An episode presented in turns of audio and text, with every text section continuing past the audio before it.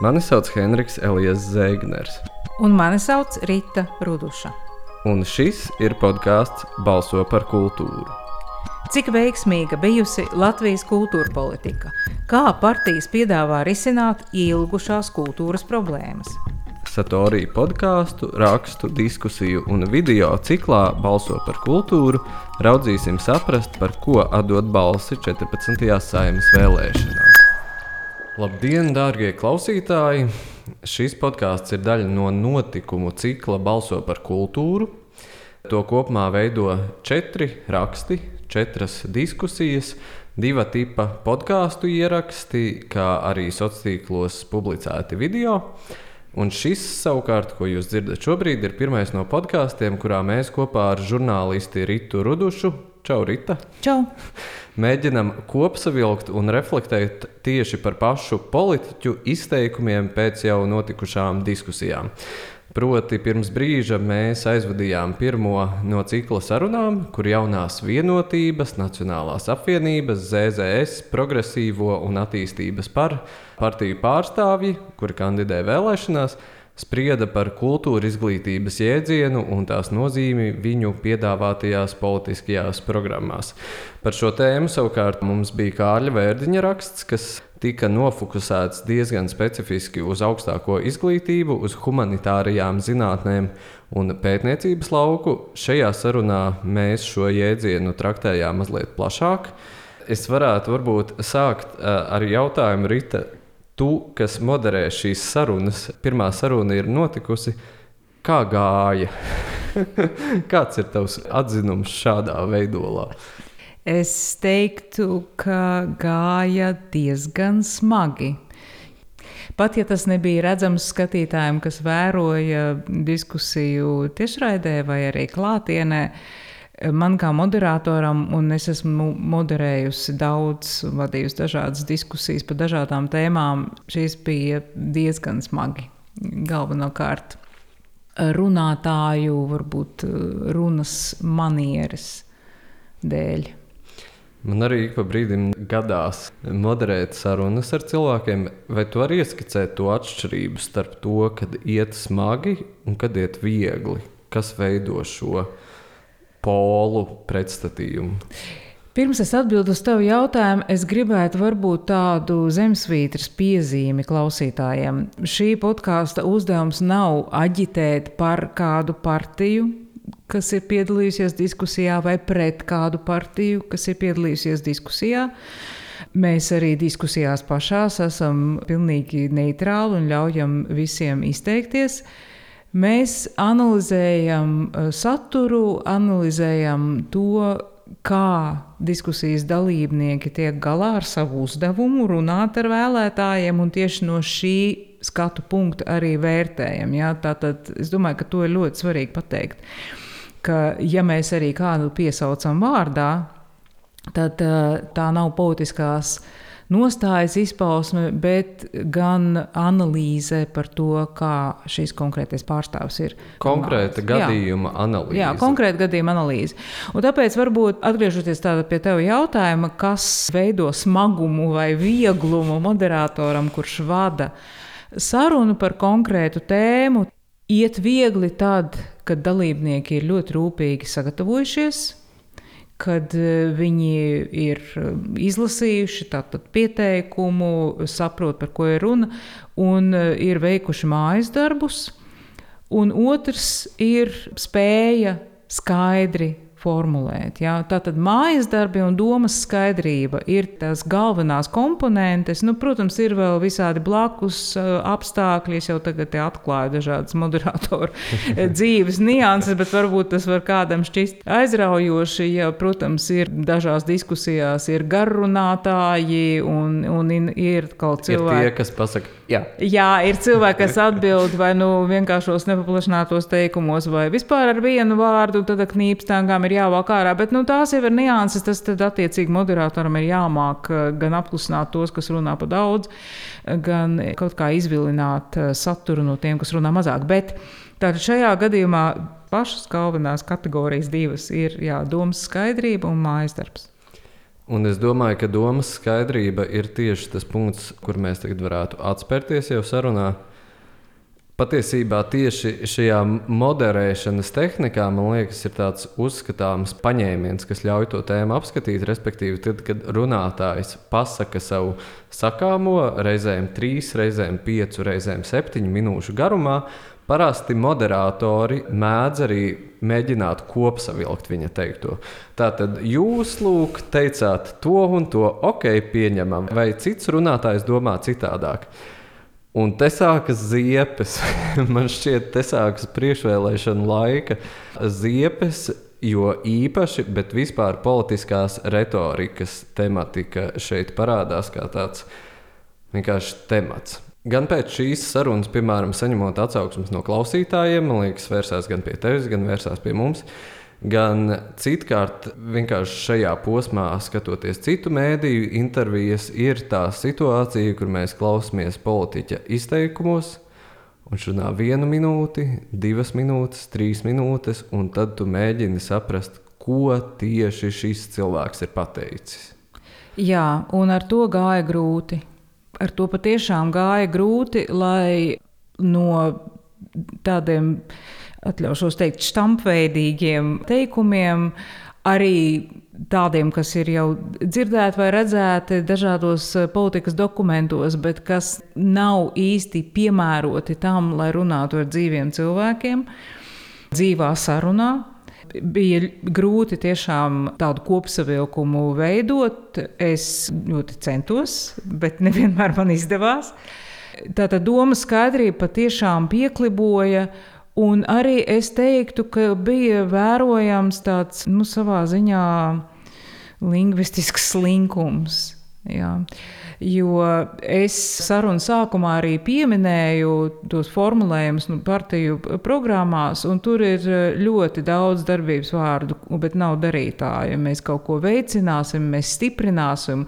Un tad, kad es uzdevu jautājumu, ko jūs ar to saprotat un tieši kā jūs, piemēram, stiprināsiet kultūra izglītības procesu, kā bija ZZS gadījumā.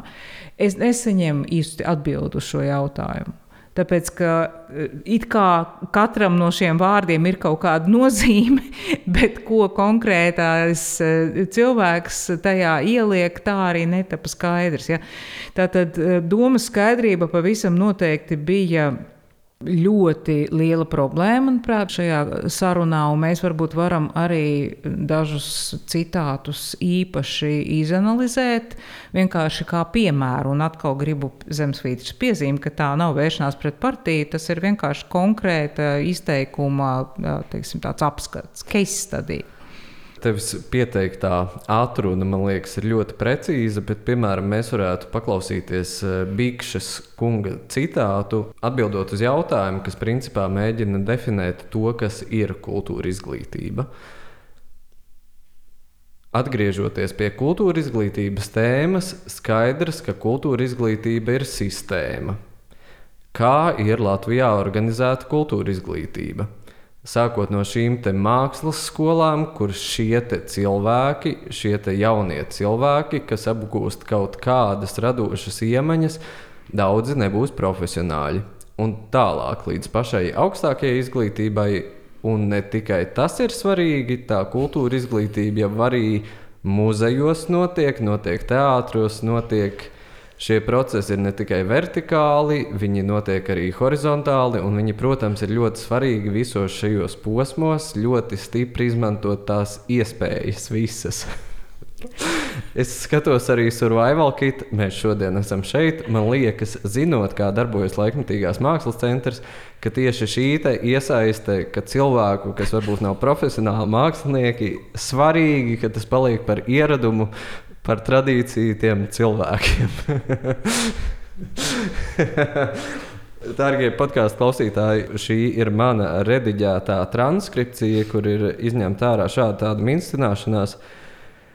Bet tas principā ir Google Translate teksts. No lingvistiskas kvalitātes viedokļa, man Jā. liekas, tuvs analogs piemērs ir šāda ļoti liela aptuvenība. Un doma aiziet piecos dažādos virzienos un nekad neatgriežas, jo var aizklīst piecos dažādos virzienos, ja vien tu spēj pēc tam to savilkt kopā un tomēr to savu galveno domu pateikt līdz galam.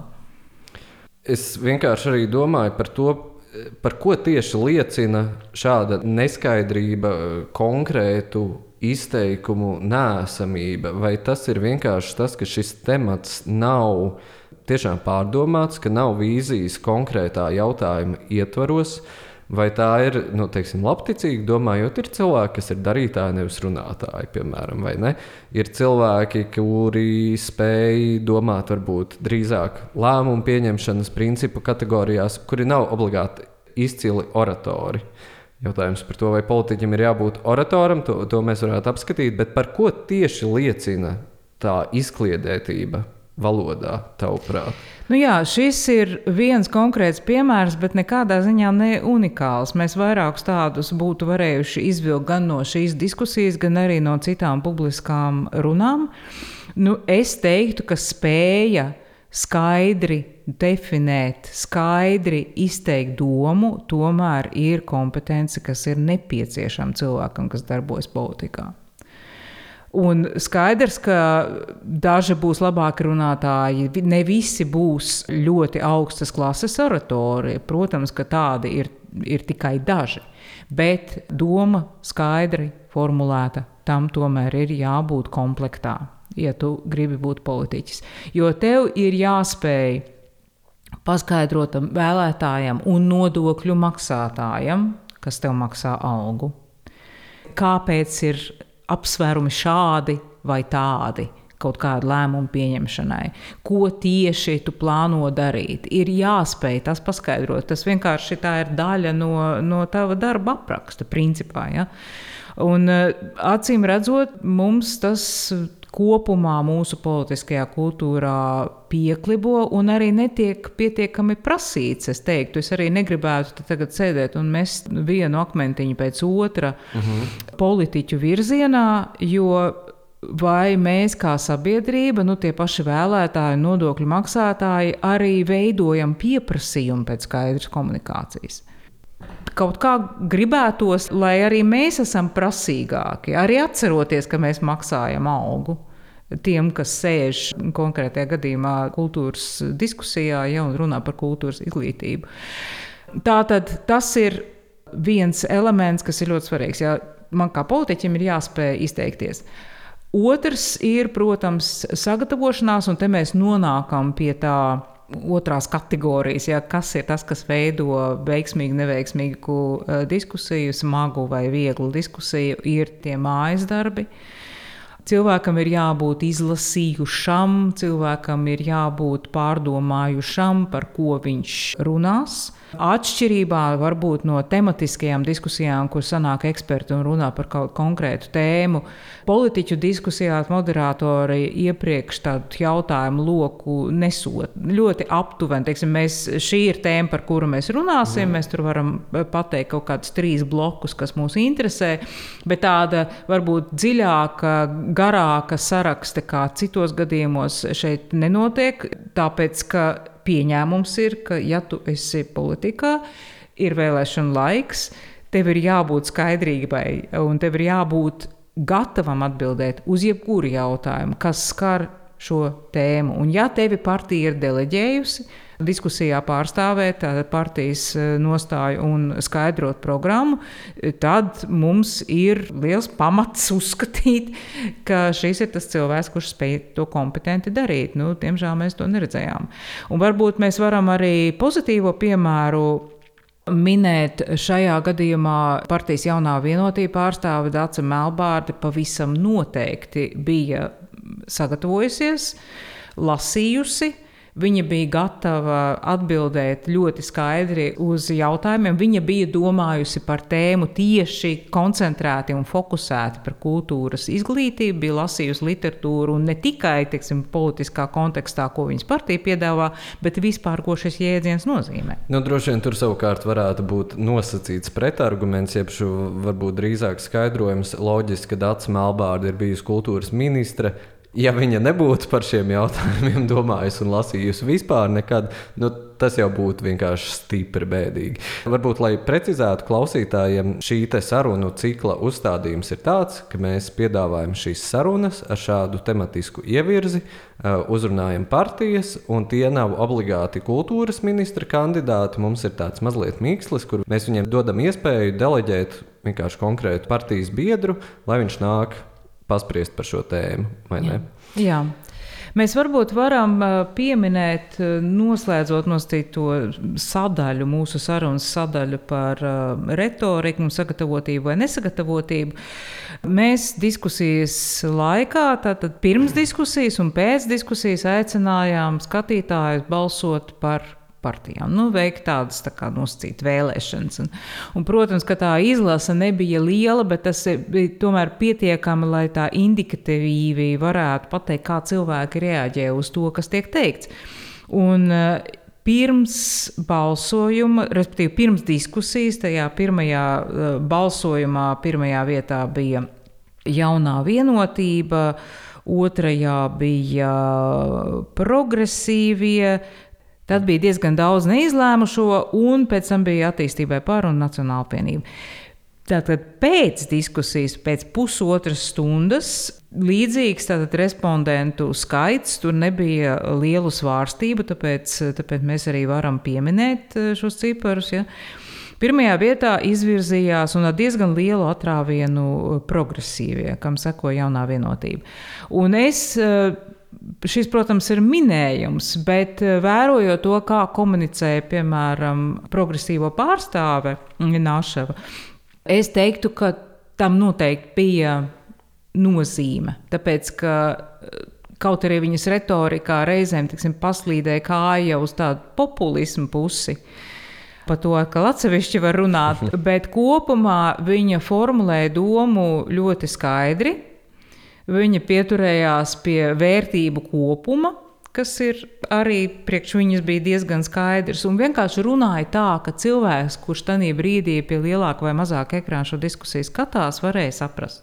Arī Nacionālās apvienības pārstāvis diezgan skaidri pieturējās pie vērtībām. Tur tiešām bija izteikta konsekvence, bet tur atkal nelaime bija tāda, ka nepārtraukti valodā atkārtojās birokrātiska terminoloģija no saimas komisiju sēdēm, no politikas dokumentiem, kas hmm. nav tāda valoda, kurā ikdienā cilvēks, vēlētājs runā. Un, ja tu piesauc kādu politikas dokumentu ar sarežģītu eh, nosaukumu, par kuru, protams, tu zini, un visi tavi kolēģi zina, tāpēc ka strādā ar to ikdienā. Bet nav vēlētāja pienākums zināt dažādu politikas pamatnostādņu nosaukumus, tēmas, kas tur ir skārtas. Viņu interesē konkrētais temats, šajā gadījumā tā ir kultūras izglītība, un tad lūdzu par to arī runāt. Tu vari pieminēt, protams, un tev arī jāpiemina kaut kāda politikas dokumenta, bet tas ir jādara tā, lai būtu skaidrs, par ko tu runā. Un es teiktu, ka tā ir otra lieta. Viens ir vienkārši domas skaidrības trūkums, Un otrs ir tad, kad tu runā tā, ka ir skaidrs tikai tiem simts cilvēkiem, kas sēž saimā, ja?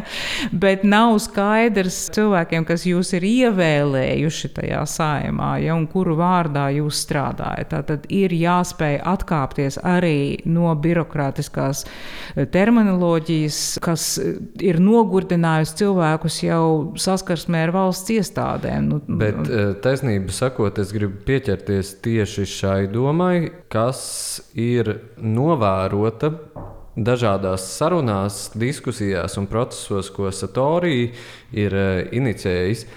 Proti, ir arī šajā kontekstā tieši ir atšķirības starp partijām, kas ir tagad jaunas, kas nav patiesībā ilgstoši padziļināti strādājušas reālās valdības struktūrās, iepratim vecajām partijām, kuras, lūk, piemēram, Nacionālā apvienība ar kultūras ministriju, tā teikt, ir Eh, strādājusi gadiem, un tad viņi var izvilkt no sērijas, jā, jūs te jaunie, jūs te domājat par idejām, bet realitāte ir tāda. Mums ir tik un tik budžets, te ir tāda un tāda birokrātiskā struktūra, mums ir šāds valsts aparāts, tāda ir procedūra, un vienkārši ieķerties iekšā tajā vecajā struktūrā, kā tādā absolūtā universā. Un tad eh, mēs varam rīkoties tikai un vienīgi šajā ietvarā.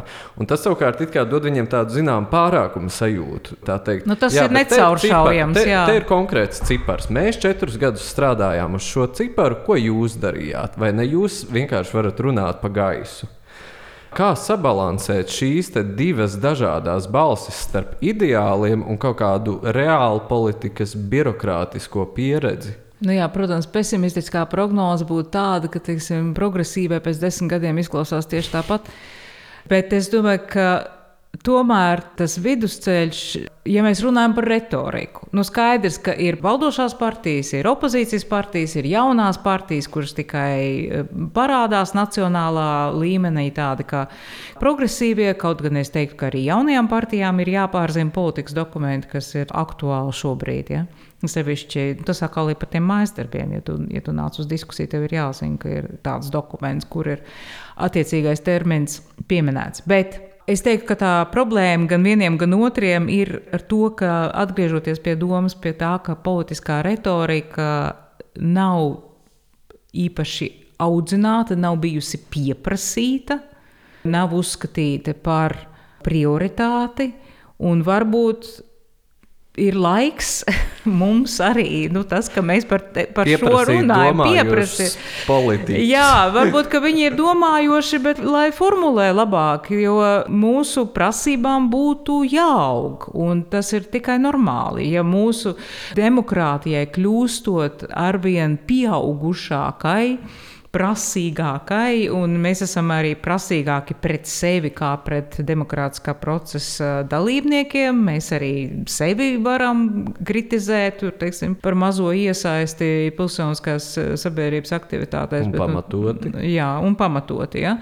Bet mums ir visas tiesības, un šīs tiesības arī vajag izmantot tos, kas mūs pārstāv, kurus mēs esam ievēlējuši sevi pārstāvēt, ka daļa no viņu darba tā tad ir arī skaidri izteikties ne tikai uh, piedāvāt mums saukļus, nepaplašinātus vienkāršus teikumus ar saukļiem par to un to, bet es klausoties, patiesībā iedomājos, no vienas puses ir, es domāju, iespējams viedoklis, kur arī šajā kontekstā 2022. gads, šīs konkrētās saimnes vēlēšanas, karš Ukrainā, Eiropas stabilitāte un drošība ir izļodzījusies maigi izsakoties, mūsu teikt, globālā politiskā domāšanas struktūra piedzīvo pārmaiņas.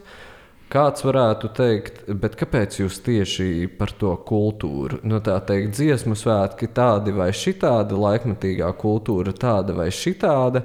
Mums taču ir jārunā it kā par svarīgākām tēmām. Ir tādi komentāri, ir tādi komentāri, viņi pastāv publiskajā vidē, viņi pastāv informatīvajā telpā, un es vienkārši klausos tevī, un es domāju, ka te jau ir tā lieta. Nevis par vienkāršu izvēli tādu vai šādu, bet par domas procesu. Šajā brīdī, kad situācijas ir sarežģītas, kad nav tikai viennozīmīgu atbilžu, jo skaidrs, ka Ir lēmumi, kur mēs pasakām jā vai nē, bet tie visi prasa daudz pakāpju domas procesu. Mums vajag gudrus politiķus. Nu, mums, jā, un mums vajag arī lēmumus, kas ir kompleksi. Jo, protams, ka ir ļoti viegli norādīt, ka mēs esam tur strādājuši, mums ir programma Skolas Soma, kas ir brīnišķīga programma. Neviens neiebilst. Cepuri nost. Bet ar to jau nepietiek. Un nevar teikt, ka nu, budžeta ietveros, bet budžets nenosaka domāšanu. Mums neviens netraucē kompleksi domāt. Un viens piemērs, kuru es mēģināju tajā diskusijā iepīt, un kur īsti negūvu atbalstu, ir, ja piemēram mēs runājam par sabiedrības noturību pret manipulācijām, kas šobrīd drošības kontekstā vairāk, ir fundamentāli svarīgi. Fundamentāli svarīgi, un vairākas partijas mm -hmm. drošību ir izcēlušas īpaši attīstībai par, bet arī citas drošību ir izcēlušas kā milzīgu prioritāti. Nu tad, kas tieši mums traucē domāt par sabiedrības noturību, iekļaujot tajā kultūras izglītību? Sabiedrības noturība veido N tiksim, punkti, Un viens no tiem ir kultūras izglītība, tāpēc ka kultūras izglītība mūs māca reflektēt par pasauli, saprast kompleksas uh, lietas, tās ir jautājums par miedarbību un tam līdzīgi, un arī par līdzdalību. Tāpēc ļoti gribētos, ka nu, tāds nākamais solis tajā attīstībā, mūsu kolektīvās domāšanas attīstībā, ir tieši, tieši tas, un tur nevarēs atrunāties tiešām ar kaut kādiem esošajiem politikas dokumentiem vai budžeta ierobežojumiem. Plaši un kompleksi domāt mums netraucē nekas, izņemot varbūt kaut kādas barjeras mūsu pašu galvā. Pie tam nu, šī jau ir varbūt mazliet cita tēma, un tomēr pieminama šajā sakarā, domājot par valdību turpmākos pāris gadus, domājot par drošību, domājot par valsti. Kā mēs domājam par valsti, kā mēs domājam par drošību, kādu vispār domāšanas sistemātiku, kādas disciplīnas mēs pielietojam? Vai mēs skatāmies tikai uz militārām teorijām, vai mēs skatāmies tikai uz ekonomisku domāšanas plānu, un kas ir tas, ko mēs sargājam, kam tā drošība ir domāta, vai ne? Kas ir valsts? Uz jautājumu, kas ir valsts, patiesībā atbild filozofija, politikas filozofija Un ejot tur dziļāk iekšā tajā jautājumā, kas ir valsts kultūra, ir viens no fundamentiem.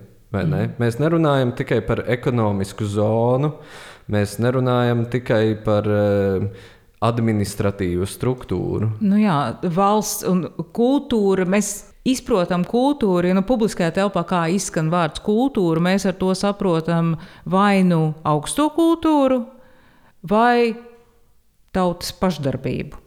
Tā ir tikai daļa tā, tāpēc arī teiksim, interesanti, ja mēs paskatāmies uz to, par ko spēja vienoties, kur visi bija viensprāts, visi diskusijas dalībnieki bija viensprāts par to, ka ir jāiegulda teiksim, kultūras darbiniekos, tā saucamā darbinieku attaudze ļoti neglīts termins, bet tas nozīmē, jā, ka tātad mēs iegūtām tajos jaunajos profesionāļos, kas strādās kultūras nozarē un nodrošinās to, ka nu, mums būs gan e, dziesmu svētki, gan e, laukos pašdarbība un tā tālāk.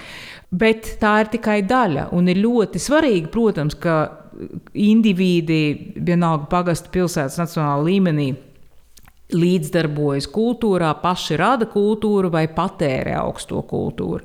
Bet tas jau nav viss. Tātad tās ir arī attiecības, tā ir spēja interpretēt, tā ir spēja reflektēt par pasauli caur mākslu. Mēs pieminējam diskusijā gadījumā ar Kristiānu Brektes murāli, kurš manuprāt, bija ļoti spilgts lakmus papīrs tam, ka mums ir caurumi kultūras izglītībā. Mm -hmm. jā, tā, tas, kādā veidā uz to mēs e, reaģējām, un arī kā tas bija politiskā atbilde uz šīm reakcijām. Jā, bija daudz emociju, bet trūka tās pašas domas skaidrības, ar kuru mēs sākām. Tātad mēs, mēs spējam vienoties par to, ka mums ir svarīgi audzināt jaunus kultūras darbiniekus. Tas ir ļoti labi.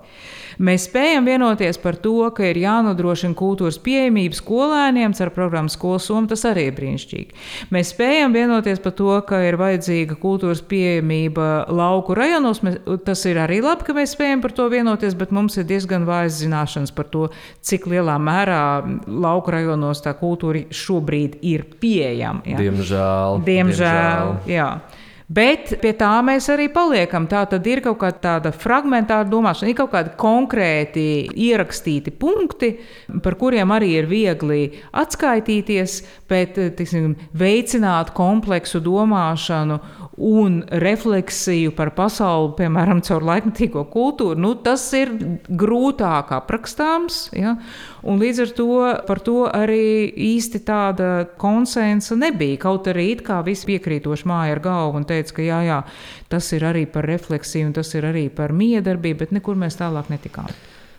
Plašas, dziļas domas lauks intelektuālā griezumā politikā tomēr ir deficīts Latvijā. Diemžēl man ir jāsacina tā. Nu, visas iespējas, Visas eh, visas iespējas. iespējas izaugsmēji. Un, un eh, atkal gribētos atgriezties pie tās zemesvītras piezīmes. Mēs jau arī gribam palīdzēt tai mūsu, eh, Tieši tā, jā. mūsu pārstāvošajiem politiķiem augt un par to domāt. Spēt sarunāties ar vēlētājiem, bet arī mācīties domāt kompleksi, nevis piedāvāt tikai fragmentārus, kaut kādus, mm -hmm. uzrādīt mm -hmm. kaut kādus panākumus, bet spēt to redzēt visu kā vienu kompleksu. Ja? Ne tikai kā kultūras, bet arī vispār mūsu sabiedrības un mūsu sabiedrības auduma sastāvdaļu. Jā, Olga Spracevs, kas rakstā šajā sērijā Balso par kultūru, viņa atsaucās uz uh, autoru, kuru viņa citēja, ka kultūra ir līme, kas satura sabiedrību kopā, vai ne?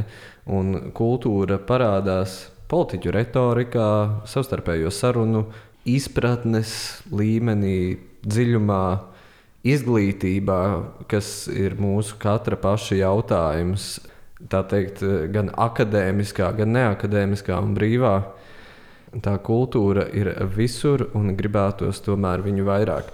Mēs esam runājuši patiesībā jau vairāk nekā pusstundu, kā izrādās. Bet es gribētu pajautāt, Rīta, tev, tā teikt, noslēdzot sarunu, divus jautājumus. Pirmkārt, par kultūra izglītības definīciju tu prasīji visiem politiķiem. Varbūt tu vari piedāvāt savu lakonisko frāzi, kas nav viegls jautājums. Patiesībā būsim godīgi. Un, ja tu jautā citiem, tad jāprot arī pašam atbildēt, mēģināt, vai ne vismaz.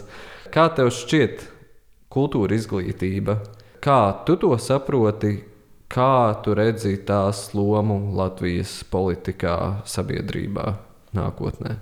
Nu, tas nav viens jautājums. Tie ir vairāki. Bet sāksim ar pirmo.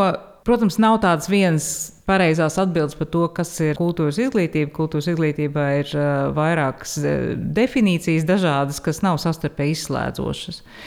Bet uh, man vissimpātiskākais formulējums šķiet, ka kultūras izglītība ir spēja reflektēt par savu kultūru un par citu kultūru.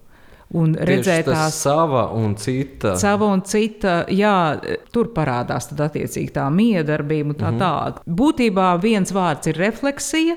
Protams, ka refleksija nav refleksijas pēc, tas nav pašmērķis. Mhm. Refleksija pie kaut kā ved tālāk, un tur tad mēs jau nonākam pie tā, kur es varbūt varētu teikt, ka es gribētu redzēt, es kā vēlētājs un nodokļu maksātājs gribētu vairāk redzēt refleksijas un refleksijā balstītus lēmumus. Nu, lūk. Pēdējais jautājums. Vai tev, klausoties šajā sarunā, mainījās domas par to, kura partija tev šķiet simpātiskāka? Neminēsim konkrētus vārdus, bet vai tev šis ietekmē tavu lēmumu balsojot? Es guvu apliecinājumu tam, ka man simpātiskākā partija, kuru es, protams, nenosaukšu, patiešām zina, par ko runā. Bet man bija vilšanās par dažiem, jāsaka, godīgi. Es varētu paturēt Un šo tev? Eh, Jā, es varētu to paturēt kā tādu viena cilvēka piemēru. Es vēl neesmu tiešām izlēmis šajās vēlēšanās. Man nav skaidrība par kuru partiju. Man pamainījās mazliet tā galda spēles situācija. Man pamainījās mazliet kaut kādi plusi nāca klāt, kaut kādi mīnusi, kaut ko nosita nost. Par laimi šī ir pirmā no četrām sarunām. Ir vēl mēnesis laika. Klausīsimies, runāsim, domāsim par to, par ko balsot Un reflektēsim. un reflektēsim. Podkāstu tapšanu finansē Mēdīļu atbalsta fonds. Klausieties arī pārējos šīs sērijas podkāstus un lasiet rakstus portālā Satorija LV.